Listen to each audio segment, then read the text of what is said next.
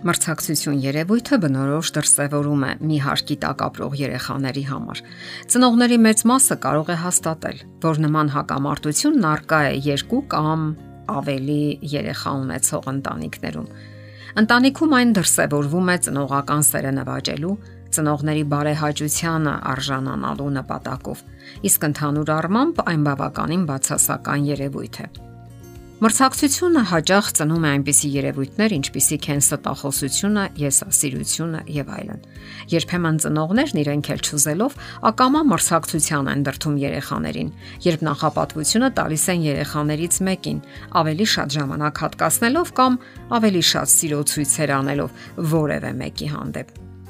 Իսկ ինչ կարելի է անել երեխաների միջև մրցակցությունը արդյունավետ կերպով կանխելու համար։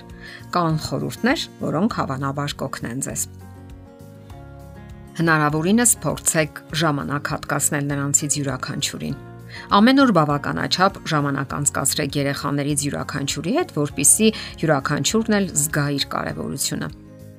Պատահում են դժվար պահանջկոտ երեխաներ, երբ բարդ է հավասարաչափ ժամանակ հատկացնել նրանց, եւ այնուամենայնիվ խելամիտ կլինի շփաթվա մեջ որոշակի ժամեր սահմանել նրանց բոլորի հետ շփվելու համար։ Վստահ եղեք, որ երեխաները անհամբերությամբ կսպասեն իրենց հատկացված ժամին։ Գովաբանեք երեխաներից յուրաքանչյուրին։ Եղեք դիտողունակ եւ խորաթափանց ուշադրություն դարձնելով նրանցից յուրաքանչյուրի նույնիսկ աննշան հաջողությանը, սանրված մազերին, խնամքով կապված կոշիկի քուղերին, արտասանված շնորհակալական բառերին։ Նաև ուշադիր եղեք, որ ձեր գովաբանական խոսքերը մեղավորության զգացում չառաջացնեն նրանց մոտ, ովքեր չեն արժանացել դրան։ Հարկավոր է գովասանքի եւ քաջալերանքի խոսքեր գտնել յուրաքանչյուր երեխայի համար, որpիսի նրանք բավարարվածություն եւ վստահություն զգան, իմանալով, որ ծնողները սիրում են իրենց։ Մի երեխային մյուսի մոտ օրինակ մի բերեք։ Երեխաները ցանկանում են լինել ամենաուժեղը, ճարպիկը, արագաշարժը կամ մաքուրը, եւ երբ ծնողները հաճախ չարաշահում են նրանց այդ ցանկությունները, նրանք ընկնում են ծուղակի մեջ սկսելով համեմատել երեխաներին, որpիսի նրանց մեջ ցանկություն առաջանա այդպիսին լինելու կամ դառնալու։ Այստեղ հարկավոր է լուրջ խորիմաստություն, որpիսի նշելով մեկի հաջողությունը կարողանաք գտնել այն լավագույնը, որ կա մյուսի նվազ հաջողությունների մեջ։ Եվ այնուամենայնիվ ջանքեր գործադրեք գտնելու դրանք եւ նշելու։ Եթե երեխաներին դուր է գալիս մրցել կամ ռեկորդներ սահմանել, ապա թող իրենք նախաձեռնեն դա։ Կարևոր չէ թե նրանցից որն է ավելի տաղանդավոր կամ ինչպիսի արդյունքների է հասնում։ Կարևոր է, որ նրանցից յուրաքանչյուրը զարգացնի իր տաղանդներն ու ընտունակությունները։ Ցանկացած երեխա ունի իրեն հատուկ ընտունակություններն ու տաղանդները, եւ շատ կարևոր է, թե ինչպես է նա օգտագործում դրանք։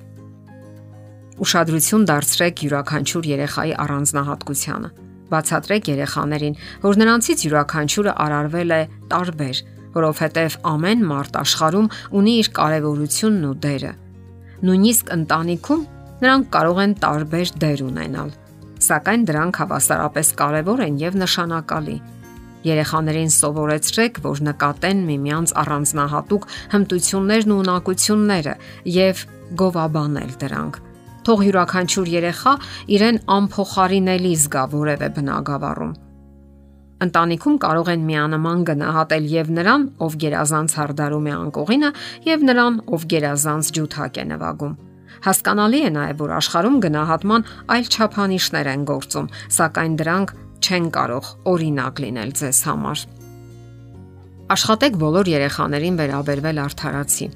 Նույնիսկ ամենափոքրիկ երեխաներն են զգում որևէ մեկի հանդեպ առանձնահատուկ վերաբերմունքը եւ անմիջապես պիտակավորում են երևույթը։ Նա մամայի կամ papayi սիրելին է։ Միանգամայն հասկանալի է, որ ծնողները կարող են առանձնահատուկ զգացումներ ունենալ երեխաներից մեկի հանդեպ, սակայն պետք է ձգտեք հավասարապես արդարացի լինել բոլորի հանդեպ Հաճելի արտակինը, խորաթափանցությունը անմիջապես գրավիչ են դարձնում երեխային, եւ ծնողների համար նույնպես դժվար է չգնահատել այդ հատկանիշները։ Մարդիկ նույնպես բնականաբար ձգտում են դեպի առավել խելացին ու հրապուրիչը, Սակայն ծնողները, նկատելով նմանօրինակ հիմնախնդիրները եւ որ դժվարություններ ունեն որևէ երեխայի ընդունելու հարցում, պետք է փորձեն հնարավորինս շատ ժամանակ անցկасնել նրանց հետ, հասկանան նրանց, զբաղվեն նրանցով։ Շատ հաճախ գործողություններին հաջորդում են զգացմունքները։ Որքան շատ են ծնողները ժամանակ անցկасնում նրա հետ, այնքան ավելի շատ գրավիչ գծեր են հայտնաբերում։ Հասկանալի է, որ անհնար է միանման վերաբերվել բոլոր երեխաներին։ Յուրաքանչյուր երեխա եզակի է յուրովի եւ բացարձակապես նման չէ մյուսին, եւ դուք պետք է հաշվի առնեք դա նրանց հետ ունեցած ձեր փոխհարաբերություններում։ Երեխաներն իրենք էլ չեն ցանկանում, որ դուք բացարձակապես հավասար վերաբերվեք բոլորին։ Նրանք ցանկանում են, որ դուք իրենց վերաբերվեք որպես առանձնահատուկ, անկրկնելի անznավորության, ինչն էլ իրականում ճշմարտություն է։ Երեխաներին խրախուսեք, որ շփվեն ոչ միայն ծնողների կամ հարազատների, այլև ուրիշ մարդկանց հետ։ Երբ երեխաները շփվում են միայն մտերիմ, հարազատ մարդկանց հետ, նրանց համար բնական է դառնում պարփակվել սեփական խմբի մեջ եւ մնացած երեխաներին ընդունել ճշնամաբար։ Այդպես է առաջանում նաև թաղային սեփականի հոգեբանությունը։ Դու մեր բակից չես, դու մեզ հետ մի խաղա Երբ երեխաներին խրախուսում են խաղալու ուրիշ երեխաների հետ, նրանք ավելի մարդամոտ ու բարեկամական են դառնում։ Նրանց համար այլևս չկան մերոնք եւ ուրիշներ, բարեկամներ ու հակառակորդներ հասկացությունները։ Եվ արդյոք մեր աշխարհի շատ ճարիքներ հենց այդտեղից էլ չեն սկսվում։ Դե ինչ, գնահատեք յուրաքանչյուր երեխայի առանձնահատկությունը եւ նրանց ասացեք այդ մասին։ Թող երեխաները համոզվեն, որ բավականաչափ սեր ունեք իրենցից յուրաքանչյուրի համար։ Եթերում ընտանիք հաղորդաշարներ։ Հարցերի եւ առաջարկությունների համար զանգահարել 033 87 87 87 հեռախոսահամարով։